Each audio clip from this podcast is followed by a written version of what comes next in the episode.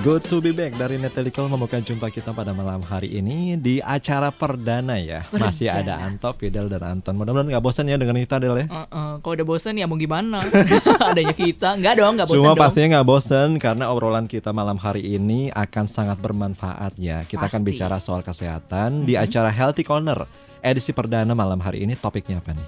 Tentang bahaya asupan gula, Nah. itu dia. Cuma nggak mungkin kan Anton yang menjelaskan. Oh jangan dong, Nah. Eh, eh, buat Anton tidak berbahaya menurutnya Itu gula. dia. Kan? Ya manis-manis dia mah Ah. suka gitu kan. Siapa nih tamu kita malam Hari ini kita bersama Dokter Santi. Dokter Santi dari Poliklinik Kompas Gramedia. Halo dok, selamat malam. Selamat malam Mas Anto, selamat malam Fidel. Selamat malam malam. sahabat Sonora. Sehat ya dok ya? Sehat. Tadi pasien banyak? Eh, lumayan ya karena Lumayan. cuaca lagi Itu buruk. kalau udah eh pasti banyak nih pasien. Sebenarnya banyak ya? Iya sih sebenarnya banyak. Iya, Karena iya, kalau iya. cuaca lagi pergantian musim seperti ini biasanya yang namanya penyakit tuh gampang datang ya dok ya. iya. Bener gak? Oh, iya betul sekali. Batuk pilek, tenggorokan sakit, Iya, segala macam. Meriang. Dan demam berdarah. dan demam, Demam berdarah. berdarah juga ya. Oke. Cuma malam hari ini kita ngobrol topik yang apa penting banget nih dok ya. Eh, bahaya asupan gula berlebihan. Nah mungkin di awal dokter Santi bisa menjelaskan nih kepada teman-teman dan sahabat Sonora yang di ngobrol topik yang apa penting banget nih dok ya. Eh, bahaya asupan gula berlebihan. Nah mungkin di awal dokter Santi bisa menjelaskan nih kepada teman-teman dan sahabat Sonora yang dimaksud dengan asupan gula itu apa aja sih dok? Sebenarnya gula Mm-mm. itu terdiri dari dua macam. Heeh. Ada gula yang kita sebut dengan gula alami, Oke. yaitu gula yang secara natural memang ada di dalam makanan tersebut. Contohnya. Misalnya gula yang ada di dalam gula yang ada di dalam buah Mm-mm. Mhm. atau gula yang ada di dalam susu. Oke. Susu itu mengandung gula loh by the way, walaupun rasanya agak-agak tawar gitu, Mm-mm. tapi Oh susu sebenarnya tawar juga dok. iya ada gulanya. Oh. Namanya gula uh, susu laktosa. Oh laktosa. Oh Iya. laktosa itu gula susu. Iya, Oke. laktosa Keren itu ya, sebetulnya terdiri dari glukosa plus galaktosa. Oh ya. Dan satu lagi itu adalah gula tambahan. Nah, Mhm. gula tambahan itu adalah gula yang ditambahkan Mhm. dalam proses pembuatan sebuah makanan. Iya. Misalnya, kalau kita bikin roti, Mm-mm, ah, kan kita nambahin gula. Betul. Ah, atau kalau kita bikin teh, Mm-mm, bikin kopi, mm-mm, ah, kita bikin teh manis atau Mhm. kopi manis, kita Mhm. menambahkan gula Iya. atau kita menambahkan madu. mm-mm. Nah, inilah yang disebut dengan gula tambahan. Oke. Hmm, Oke. oke. Apakah badan kita butuh Mm-mm, gula? mm-mm. Nah, ini agak rancu nih.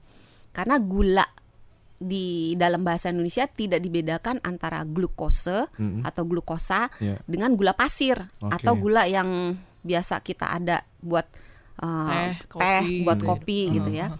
Nah, kalau gula yang disebut dengan glukosa, Mm-mm. badan kita butuh Iya. Oke. karena glukosa merupakan sumber energi Mhm. ba- bagi badan kita untuk melakukan aktivitas, untuk melakukan pekerjaan umumnya, Hmm. misalnya untuk bernafas, Hmm. untuk uh, otak bekerja dan Iya. sebagainya. Oke. Terus pertanyaan berikutnya, Hmm. kalau gitu kita boleh dong makan su- apa gula? Nah, Kan kita butuh gula Benar. gitu. Nah, ini kaitannya yang agak-agak menimbulkan uh, kerancuan. mm, Badan kita membutuhkan gula, iya iya. tetapi kita tidak memerlukan gula yang uh, dimakan. Oke. Dalam arti badan kita bisa membuat gula dalam bentuk glukosa, Mm, bikin sendiri bisa mm. Oh gitu. Hmm. Dengan cara dok. dengan cara memecah karbohidrat.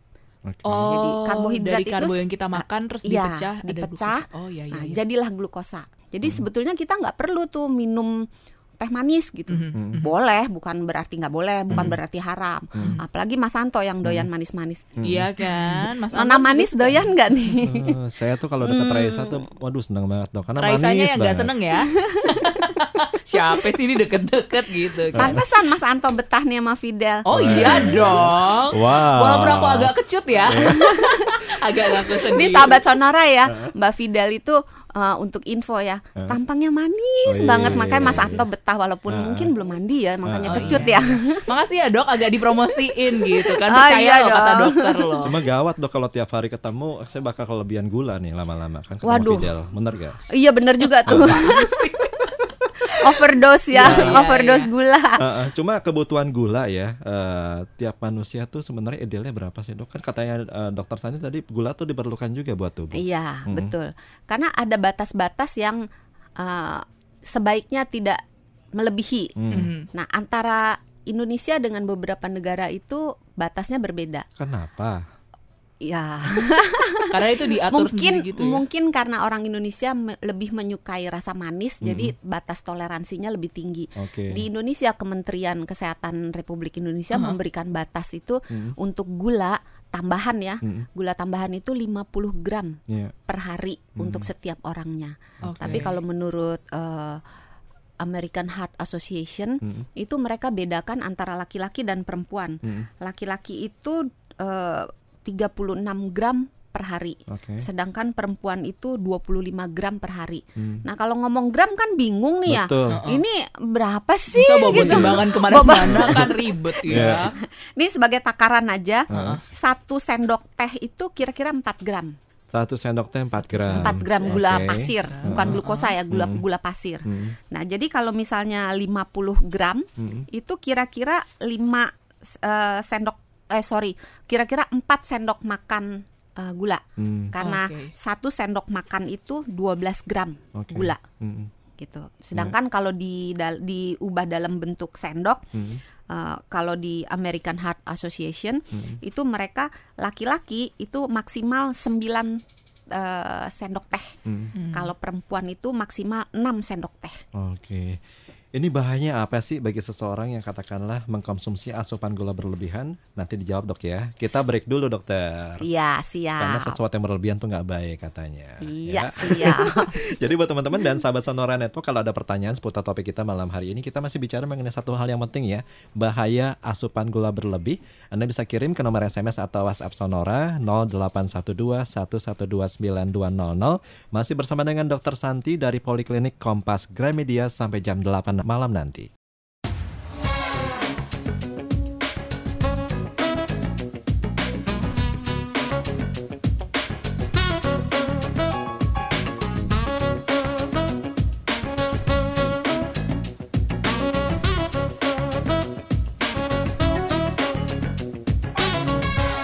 Masih ada Anton, Fidel dan saya Anto di acara perdana Healthy Corner malam hari ini ya. Mhm. Masih bersama dengan Dr. Susanti, panggilan akrabnya Dr. Santi Ya. dari Medical Center Kompas Gramedia. Kita masih bicara mengenai topik yang seru banget ya dan pastinya penting banget ya teman-teman dan sahabat Sonora bahaya asupan gula berlebihan. Kalau ada pertanyaan komentar silakan saya tunggu di nomor SMS atau WhatsApp Sonora 0812 1129200 sampai jam 8 malam nanti. Ini bicara mengenai asupan gula ya dok ya. Eh, kalau kita lagi siang-siang itu panas, haus banget dok pastinya dok ya. Yang terpikir tuh cuma pengennya minum soft drink dokter, Hmm. biar hausnya tuh hilang seketika. Seger banget gitu Segar ya. banget, Iya, iya, apalagi iya. warnanya cerah-cerah banget dok ya. Aduh, waduh. Itu dia. nah ngomong-ngomong asupan gula di dalam sebotol soft drink itu kandungannya berapa banyak sih dokter? Coba Fidel tebak. Eh, ada kuis dadakan nih Iya. kayak dosen suka ngasih kuis dadakan. Berhadiah Eh, piring loh kalau oh, bener benar. ya. Tunggu ya piringnya. Eh, kalau misalnya dalam sendok mungkin 5 sendok nggak ya? Kira-kira Mas Anto Empat gimana? sendok, empat sendok. Ih, Mas Anto mah demen merendah-rendahkan ini. Sok-sok aja ya. Merendah untuk meroket katanya kan. Sebenarnya itu kurang lebih ya 40 gram Wah. gula. 40 gram. Iya. Mhm. Untuk satu sendoknya Untuk kan eh, botol yang kurang lebih sekitar 350 mili ya. Heeh. 350 mili. Bukan yang 500 mili ya. Aha, Heeh. aha. Itu berapa tadi? 4 40 gram 40 gram. gula. Oke. Jadi Kira-kira kalau berapa sendok di-convert ukurannya? ke sendok teh, Heeh, satu sendok teh kan 4 gram. heeh. Berarti kira-kira 10 sendok teh. 10 sendok. 10 sendok teh. Makanya Mas Anto kalau siang-siang panas gerah pengen yang seger-seger minum aja es teh tawar tapi minumnya di depan Fidel. Hmm. Biar kayak Serasa manis deh. Manis kirain jadi kayak teh basi gitu kan. Saya nggak ngomong gitu ya dok ya. Fidel kali ini teh ya. Oh iya. Tapi sebenarnya eh, bisa diakalin sih. Heeh. Jadi kalau kita ingin mendapatkan rasa yang segar, Mm-mm. kita bisa dapatkan tuh dari buah. Hmm, Jadi misalnya nih kan lagi ngetren tuh kemarin Sandiaga Uno Hmm. bawa infused water. betul. Nah, kita bisa buat juga yang model-model kayak gitu. Jadi Hmm. air, Mm-mm. terus kita tambahkan potongan-potongan buah, Oke. boleh apel, boleh ketimun, boleh Hmm. melon, Hmm. buah apa pun, stroberi, kiwi, buah apa pun Heeh. dimasukkan ke dalamnya. Hmm. Boleh juga ditambah dengan daun-daunan seperti daun Mint, mint, atau Oke. ditambah misalnya apa namanya kayu manis Heeh. gitu ya, atau ditambahkan jahe. Iya. Jadi itu ada rasa-rasa yang uh, kadang-kadang orang kalau minum air putih rasa plain ya, rasa Betul, aduh kayaknya hambar. bosen banget, Heeh. hambar banget gitu. Heeh. Nah, dengan ada rasa buah itu Mm. jadi ada rasa-rasa manisnya dan Oh. ada bau-bau yang membuat kita rasa enak gitu. Pantesan kepala sekolah Anton suka bawa air diisi daun, Hmm. daun kangkung ya, agak sama bawang putih dicah gitu kan? Iya iya iya. Eh tapi ini aku melenceng sama sedikit ya. air, sama buahnya buah duren. Iya kan? Masukkan repot. Udah gitu mau bisa. dimakan bijinya gede Aduh. banget tuh ya. Tapi melenceng sedikit dari asupan gula karena dokter membahas tentang infused water. Aku penasaran nih. Sebenarnya kan kalau kita makan sesuatu yang asam itu kan ada eh, masalah apa ya? keganggu gitu lah ya Uh-uh. lambungnya. Sedangkan infused water tuh kan kebanyakan lemon dok. Kalau kebanyakan minum tuh gimana? Maksudnya kebanyakan minum Bahaya water nggak buat yang lambung kita, dokter? Kadang-kadang gini, eh, aku juga pernah apa eh, dapat eh, satu informasi, katanya tuh bagus ya buat apa ketika bangun tidur kita minum apa eh, infus water Infused itu water, sebelum makan, dokter. Cuma ada yang bilang juga jangan, Jangan, nanti uh-uh. lambungnya bisa sakit. Tidak dianjurkan sih Tidak Kak, dianjur- dalam keadaan perut kosong. Hmm. Jadi Oh. kalau buat teman-teman sonora yang punya gangguan lambung mungkin Mm-mm. dipilih buahnya yang eh, agak netral, jangan Hmm. yang asem. Misalnya kayak apel Hmm. atau misalnya kayak ketimun Hmm. atau Oh, iya. melon, Hmm. kan Oke. banyak buah-buah yang sifatnya netral. Hmm. Karena untuk beberapa orang yang eh, punya gangguan lambung. Ya. eh, tambahan asam dari lemon itu Mhm. memang bisa membuat kambuh kumat gitu. Oke. Oke. Jadi sebaiknya sarapan dulu ya, dok. Ya, sarapan dulu. Heeh, Oh, perutnya Jadi diisi perutnya dulu. diisi dulu. Oke. Oke, terus kan tadi kita ngomongin buah nih. Mm-mm. Sebenarnya kan di dalam buah pasti ada gula dong, Dok. Iya. Nah, sebenarnya buah buah kan pasti dianggapnya sehat dong. Mm-mm. Sebenarnya buah di gula di dalam buah itu oke apa enggak? Nah, ini pertanyaan yang sangat bagus. Wah. Eh, Piring tepuk tangan nih. cantik. Bayangin, piring cantik udah dua ya piringnya. Udah manis, pinter, siapa Kurang yang apa cowok lagi mau ya? bayangin? Nah, Nah, itu yang itu dia. siapa yang mau? Oke, oke, gimana dong? Langsung di-cut aja to the point Iya, ya. lagi, Daripada Dok, ya? panjang ke situ ya. Aduh, Boleh antri lagi, nih sahabat Sonora. lagi. Makasih ya Toh ya. gimana gimana dong? Gula yang di dalam buah itu Heeh. secara alami kan ada di dalam buah. Jadi sebenarnya tidak dihitung dalam yang tadi ya, yang empat Gula sendok makan. ya? Iya, Oh. tidak dihitung dalam gula tambahan. Oke. Kenapa? Kan manis sama-sama. eh, masalahnya gula yang ada di dalam buah itu, Aha. itu di dalam badan tidak bisa langsung dicerna dan langsung eh, menjadi molekul-molekul yang siap pakai, Oke. yang berbentuk glukosa. Mhm. Nah, dalam proses pencernaannya itu naiknya gula dalam darah itu akan terjadi secara perlahan-lahan Hmm. Hmm. Sehingga tidak banyak menimbulkan gangguan kesehatan. Hmm. Selain itu, di dalam uh, buah terkandung serat yang Hmm. membantu ya kesehatan kita. Hmm. Ada juga uh, vitamin, Mhm. ada juga mineral. Oke. Jadi makan buah oke, Hmm. tapi tetap ya kata kuncinya adalah tidak berlebihan. Oke, Hmm. yang sedang-sedang saja. Wih, Pas lagi pas aja, iya. Pakai dua jari Jempol diangkat.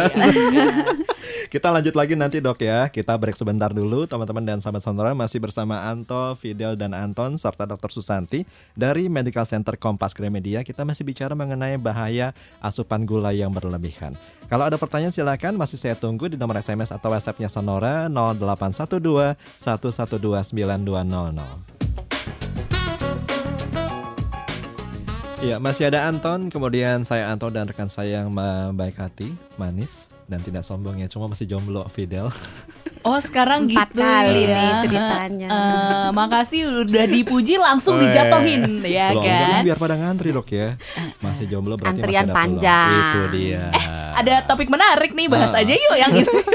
Tinggal dipilih dipilih. Eh, Wah, Cuma dilanjutin. harus sehat syaratnya ya, Oh, iya. bebas dari yang namanya bahaya gula. Nah, Iya. terkait dengan topik kita pada malam hari ini, Dokter Santi. Kayak nih. bapak saya ngatur-ngatur pasangan. Iya iya iya. Mas, salah satu syarat dari calon harus sehat ya dok ya. Iya sehat, ah. boleh jasmani dan rohani. Itu dia. Punya pekerjaan, Nah, punya masa depan. Itu yang paling penting dokter. Wih deh, mewakili Nah, bapak dan ibu. Bicara Iya. mengenai kesehatan ya dokter Santi ya. Ini kan tadi kita sudah bicara mengenai apa eh, asupan gula itu terkandung dari mana aja. Nah bagi mereka yang katakanlah sudah berlebih, bahayanya itu apa aja sih dok? Bahayanya, Mm-mm. bahayanya itu sedap-sedap sedap-sedap mengerikan gitu. Waduh. Waduh, gimana tuh? Sudah Gak usah sedap deh dok, mengerikan aja gitu. mengerikan Mengerikan langsung. aja ya. Heeh. Yang dampak yang paling terasa, Hmm. yang dengan segera terlihat itu eh, berat badan Berat badan pasti naik. naik. Oke. Mm-mm. Yang berat badan normal jadi berlebih, yang berat badan berlebih jadi kegemukan. Oke. Nah, yang tidak terlihat dalam tanda kutip secara langsung kasat mata Heeh. itu adalah apa yang terjadi di dalam badan kita. Mm-mm. Jadi contohnya kadar trigliserida akan meningkat. Oke. Apa itu trigliserida? Trigliserida itu adalah salah satu komponen yang kita ukur ketika kita mengukur kadar lemak darah. Oke. Kalau trigliserida berlebihan, apa nih efeknya? Mhm. Nah, dia akan menimbulkan sumbatan di dalam pembuluh darah. Jadi mula-mula dia menempel di dalam dinding permukaan dalam pembuluh darah. Oke. Kemudian dengan berjalan waktu, kalau pola hidupnya tidak berubah, Iya. maka eh, apa pelaknya itu eh, akan bertambah tebal, bertambah tebal, dan satu saat akan tersumbat total. Ngeri ya. Ngeri. Nah, sialnya lagi, Heeh. kita tidak bisa memperkirakan sumbatannya di mana. Mm-mm. Kalau sumbatannya di pembuluh darah yang ada di dalam otak, Mm. terjadilah yang namanya stroke. Oke. Nah, kalau sumbatannya ini terjadi di dalam pembuluh darah yang berada di jantung, Mm-mm. maka akan terjadi serangan jantung. Mm. Kalau sumbatannya ada di pembuluh darah yang di ginjal, terjadi gagal ginjal. Mm. Begitu. Dan kita tidak pernah tahu di mana sumbatannya itu akan terjadi. Oke. Kemudian dampak lainnya yang agak-agak sedap itu adalah memicu terjadinya eh, kanker.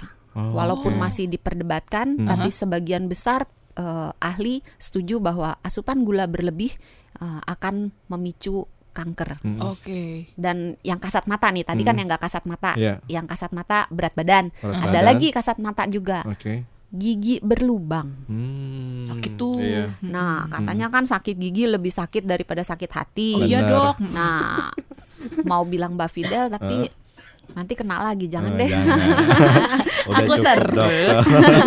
kena lagi, kena lagi eh. gitu. Iya begitu. Cuma nih eh, bahayanya ini ini menimpa semua usia karena saya sering lihat nih ya ba- apa sekarang nih kecenderungan anak-anak nih obes dok, ya Hmm. kan? Apakah mereka kelebihan gula atau gimana tuh dok? Nah, ini pertanyaan menarik lagi. Dapat piring nih Mas Anton. Weh, kita udah piring nih satu-satu ya Iya. kan. Di akhir acara kita bisa buka toko piring. Pecah Iya betul. ya. Negara kita ini negara yang unik Hmm. Oke. karena kita punya masalah gizi itu komplit Hmm. dari yang kurang gizi yang kemarin disinggung tentang stunting, Hmm. eh, kate lah kalau bahasa pergaulannya, anak-anak yang kecil Iya. eh, bentuknya, Aha. anak yang kurus, sampai anak yang Mas Anto bilang, anak yang kegemukan. Iya. Oke. Sebenarnya ini terjadi karena kurangnya pengetahuan. Jadi Hmm. contoh ya, ibu-ibu ngasih makan nasinya setumpuk, Benar. langsung Oh. takut lapar nanti masuk angin Iya, gitu ya. iya. Pasti seneng ya anaknya banyak makan Iya, ya. terus kalau Heeh. anak gemuk dianggapnya Lucu oh, lucu, gitu. sehat. Kalau Hmm. anaknya oh, Kurus. kurus, aduh, ntar ini orang tuanya miskin Diomongin apa tetangga, gitu. dokter. Diomongin. Nah, Mulut julid tetangga ya. iya. Enggak diurusnya orang tuanya. Iya. Atau masih dalam masa pertumbuhan gak apa-apa lah makan Iya, banyak-banyak nanti masih gitu. bisa kurus Iya, gitu kan, butuh makanan banyak. Nah, ini yang eh, menimbulkan terjadi salah satu ya, salah satu Hmm. penyebab terjadinya kegemukan pada anak. Hmm. Terus asupan gula juga Iya. yaitu karena gula itu ada di mana-mana di Oke. dalam makanan kemasan, di Hmm. dalam minuman kemasan, hampir selalu ada gulanya. Iya. Dan kadang-kadang, bukan kadang-kadang sih sebenarnya sering kali Heeh. orang tua itu tidak pernah membaca apa sih isi makanan dan minuman kemasan yang Betul. mereka beli. Padahal sebenarnya kalau cerdas, kalau Heeh. cermat, Iya. kalau mau bersusah payah sedikit dan kalau tahu Heeh. itu di setiap label eh, di setiap makanan kemasan Heeh. di baliknya tuh ada label nutrisi, Iya. ada tabel-tabelnya Heeh. itu ada kandungan gulanya. Nah, Hmm. tinggal dilihat karena tidak semua makanan atau minuman yang mengandung gula itu rasanya manis. Betul. Oke. Nah, contohnya Mm-mm. Saus sambel. Hmm. Rasanya apa? Pedes. Pedas. Tapi itu tinggi gula loh by Tinggi the way. gula. itu Oke. kandungan gulanya itu kalau eh, saus sambel Heeh. eh, itu satu sendok makan itu 5 gram. Waduh. Berarti kira-kira satu sendok eh, teh lebih. Oh iya. Saus tomat Heeh. juga ada gulanya. Iya. Kira-kira 3 sampai 4 Waduh. gram gula. Jadi bisa dibayangin ya anak-anak apa bubaran sekolah atau pas istirahat belinya gorengan Uh-uh. dikasih saus tomat sambal minumnya soft drink Nah, Wah. itu dia. berapa Paket tahun lengkap. kemudian udah Iya, obesitas ya dok ya apalagi anak-anak sekarang tuh apa ya permainannya tuh kurang gerak ya Iya. lebih cenderung individual Banyak sih kan. geraknya sih, Hmm. tapi jempol Jempolnya. doang. itu dia main jempol aja Jari diangkat. jarang bergerak sementara asupan gulanya banyak ya udah Semakin menumpuk dok ya di Jadi badan. Dimensinya bukan dimensi tinggi tapi Mm. dimensi lebar. waduh yang bertambah tambah lebar. kita baca pertanyaan dok ya Ini ada dari Pak Erik di Bangka. Mm-mm. Mau nanya dokter apa bedanya glukosa, fruktosa, dan aspartam dan sejenisnya ya? Apakah tubuh kita diperbolehkan untuk mengkonsumsinya serta bahaya yang ditimbulkan jika kita mengkonsumsinya? Terima kasih dokter gitu. Nah, ini pertanyaan saya jawab dengan memulai dari dasar. Hmm. Sebenarnya gula itu adalah bagian dari karbohidrat. Mhm. Nah, komponen karbohidrat yang paling kecil, jadi gula itu akan dipecah menjadi eh, tiga molekul yang paling sederhana, namanya glukosa, Mhm. fruktosa, dan galaktosa. Oke. Dua molekul dari glukosa, fruktosa, dan galaktosa ini jika bergabung Mhm. akan membentuk macam-macam. Hmm. Jadi misalnya glukosa dengan galaktosa akan membentuk gula yang ada di dalam susu. Oke. Glukosa dengan fruktosa akan membentuk gula pasir. Oh. Terus gula-gula dalam buah kebanyakan berada dalam bentuk glukosa dan fruktosa. Aha. Eh, kalau kita mengasup terlalu banyak apa nih? Terlalu banyak glukosa. Tergantung glukosanya kita makan dalam bentuk apa. Hmm. Kalau kita makan dalam bentuk gula tambahan, Mhm. misalnya eh, tadi gula pasir, gula Mhm. pasir itu adalah glukosa dan fruktosa, Mhm. maka kita akan terkena dampak seperti yang tadi kita bicarakan sama Mhm. Mas Anto, bisa Mhm. berat badannya berlebih Iya. atau kegemukan, Mm-mm. kena penyakit eh, serangan jantung Iya. atau stroke dan sebagainya, kena diabetes, Mm. kena kanker, Mhm. eh, gangguan gigi berlubang Iya. atau trigliseridnya berlebih. Mm. Sedangkan aspartam itu sebetulnya adalah eh, zat Mm-mm. yang dipakai dikenal secara umum untuk mengganti fungsi gula. Oke. Apakah diperbolehkan? Sampai sejauh ini sih tidak ada badan yang melarang. Mm. Hanya memang mereka menentukan batas aman. Iya. Jadi sepanjang kita mengasupnya secara eh, eh, wajar ya, Mm. tidak berlebihan, Mm. masih diperbolehkan walaupun beberapa penelitian mengatakan oh aspartam itu bisa bikin kanker gitu. Oke. Oh. Tapi untuk mencapai dosis sampai menyebabkan kanker Mm. itu dibutuhkan yang dosis yang sangat besar. Jadi Iya. Kalau untuk konsumsi pada umumnya manusia mengkonsumsi biasanya sih tidak tercapailah yang Iya. kayak begitu. Jadi Oke. kuncinya adalah sepanjang kita memakainya dalam koridor yang wajar. wajar Mm. masih diperbolehkan. Masih diperbolehkan. Iya. Oke, kita kembali break ya, Dokter Santi. Nanti kita sambung lagi. Tetap bersama kami di acara Healthy Corner sampai jam 20 nanti. Sonora FM 92 Jakarta.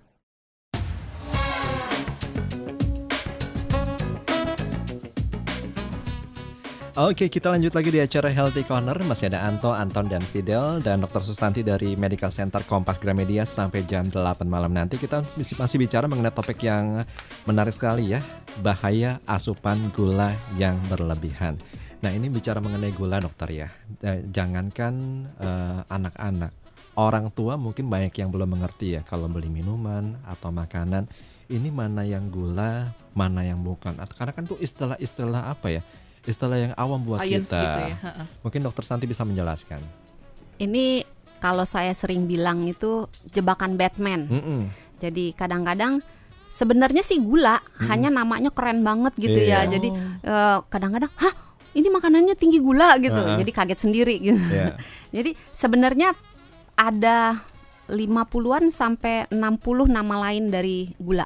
Oke, di Begitu antaranya. banyaknya. Di antaranya yang paling Yang mudah paling kita kenali ya, ya. yang paling mudah kita kenali itu petunjuknya kalau di belakangnya itu diakhiri dengan kata osa.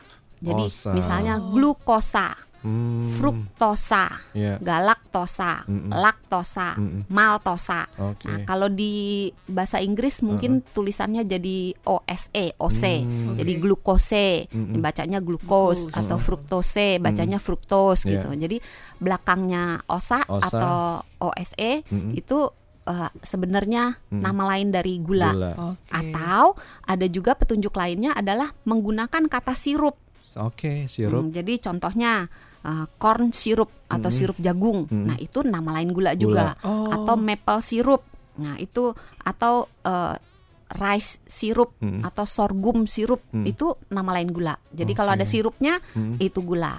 Mhm. Atau petunjuk lainnya adalah dia betul-betul menuliskan nama gula gitu. Mm. Jadi gula bit Mm. eh, atau gula jagung, gula Mm. kelapa, Mm-mm. eh, gula buah, Mm. gula anggur, Mm-mm. gula date itu apa kurma, gitu. Kurma, Jadi uh. depannya memang sudah ada kata gula atau Mm. kata sugar gitu. Oke, ingat ya belakangnya osa. Bukan dosa ya, tapi Bukan dosa. dosa tidak mengandung Juga bukan rosa. Kalau Oh. rosa lagunya enak-enak dok ya. Iya. Jangan di apa dihindari, justru harus kita dengarkan. Dan jangan berpatokan hanya dari rasanya.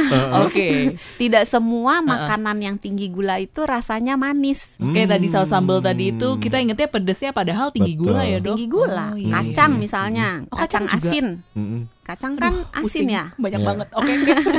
Tapi gulanya itu 18 gram itu dalam 100 Waduh, gram Lumayan banyak ya. kacang. Iya, Oke. begitulah. Makanya Jadi kita harus sering-sering belajar baca kandungan makanan. Iya, nanti ya. kita buka ya Iya. sesi untuk belajar membaca Mantap. label Siap. itu. Karena I itu like, I banyak like. jebatan apa jebakan Batman. Batman, Juga ya. juga di dalam Oh, label eh, itu. eh, hidupmu penuh dengan jebakan. Iya, ya. memang harus cermat harus sekali. cermat. Kita akan bacakan lagi pertanyaan dari yang pertama ini dari Ibu Lina Sianturi. Selamat malam, saya mau tanya dok, kalau nasi putih kandungan gulanya tinggi atau enggak? Hmm. Lalu apakah betul makanan utama kanker adalah gula? Terima Iya. kasih. Termasuk ini banyak teman-teman dan sahabat senar untuk menghindari itu ya nasi Diabetes. putih. Gantinya apa Nasi beras goreng. merah, Oh, bukan. beras Iya, iya, hitam. itu gimana dokter?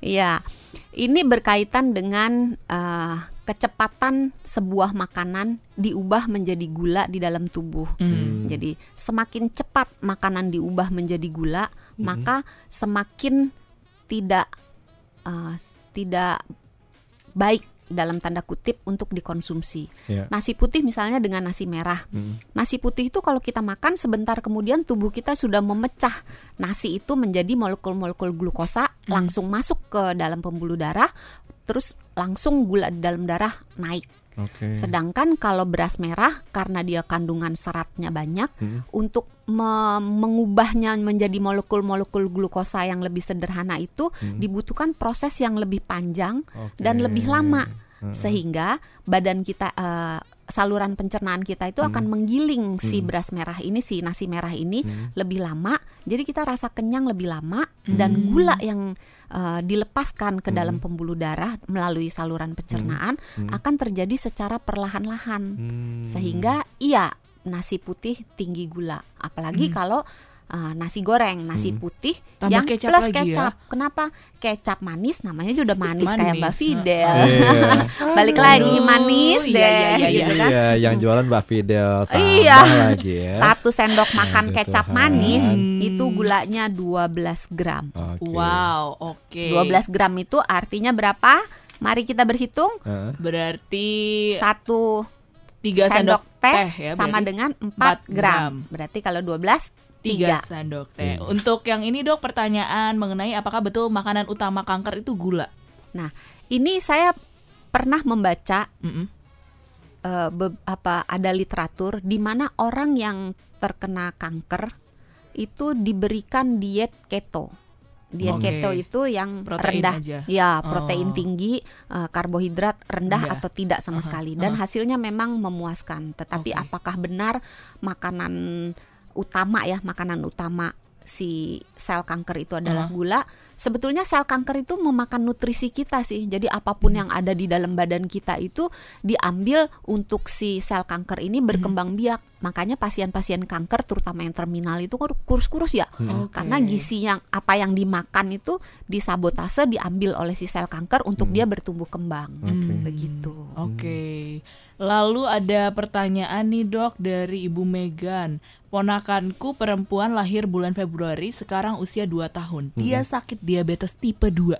Wow. Oke. Masih kecil ya? Masih kecil banget. A- a- apa ada saran untuk kesembuhannya dan apa ada batasan konsumsi gulanya? Hmm. Oh iya, jika tidak suntik insulin berarti badan apa nih?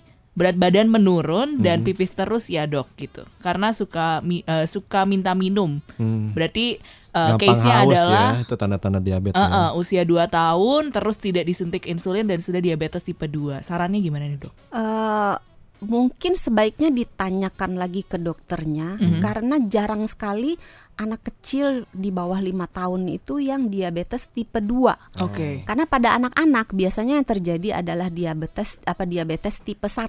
Oh. Apa bedanya nih tipe 1 dengan tipe 2? Uh-uh. Nah, tipe 1 itu terjadi karena tubuh itu tidak memproduksi insulin Hmm. sehingga dia membutuhkan suntikan insulin dari luar. Hmm. Sedangkan kalau tipe 2 itu terjadi karena tubuhnya memproduksi insulin tetapi insulinnya ini eh, dalam tanda kutip invalid.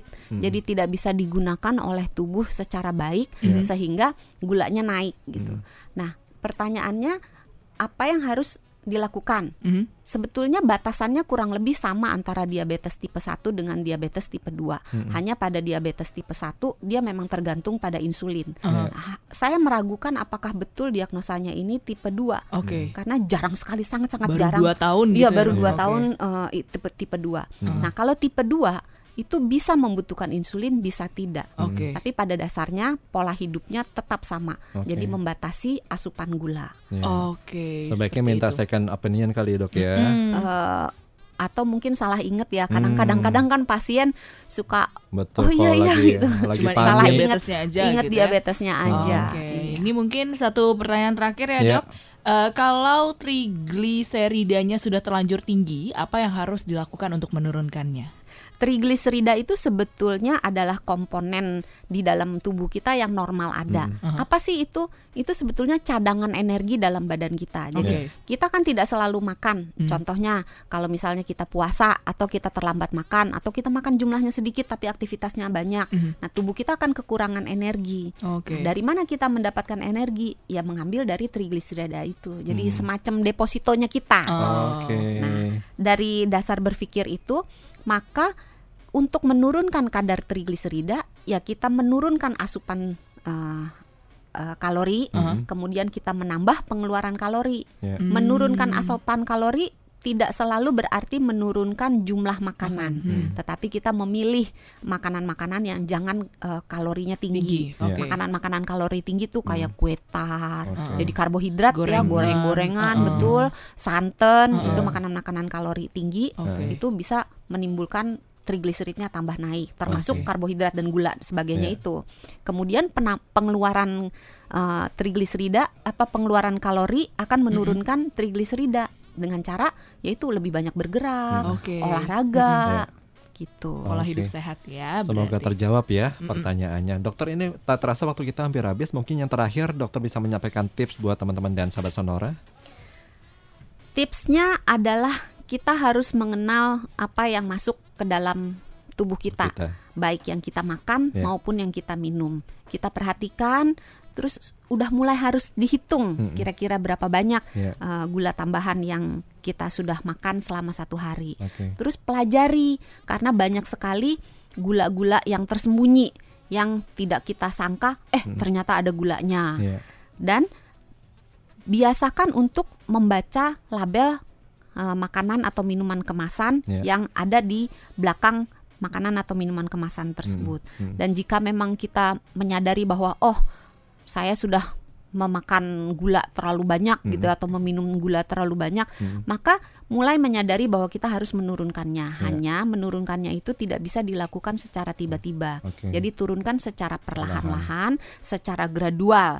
Kemudian kalau kita tahu kita sudah harus mengurangi gula, maka kita harus menghindari Hmm. adanya gula di dalam uh, rumah Ada, kita. iya. Jadi jangan beli, jangan Hmm. nyetok Hmm. gitu ya. Terus buat jadwal makanan karena Iya. kalau kita lapar cenderung celamitan.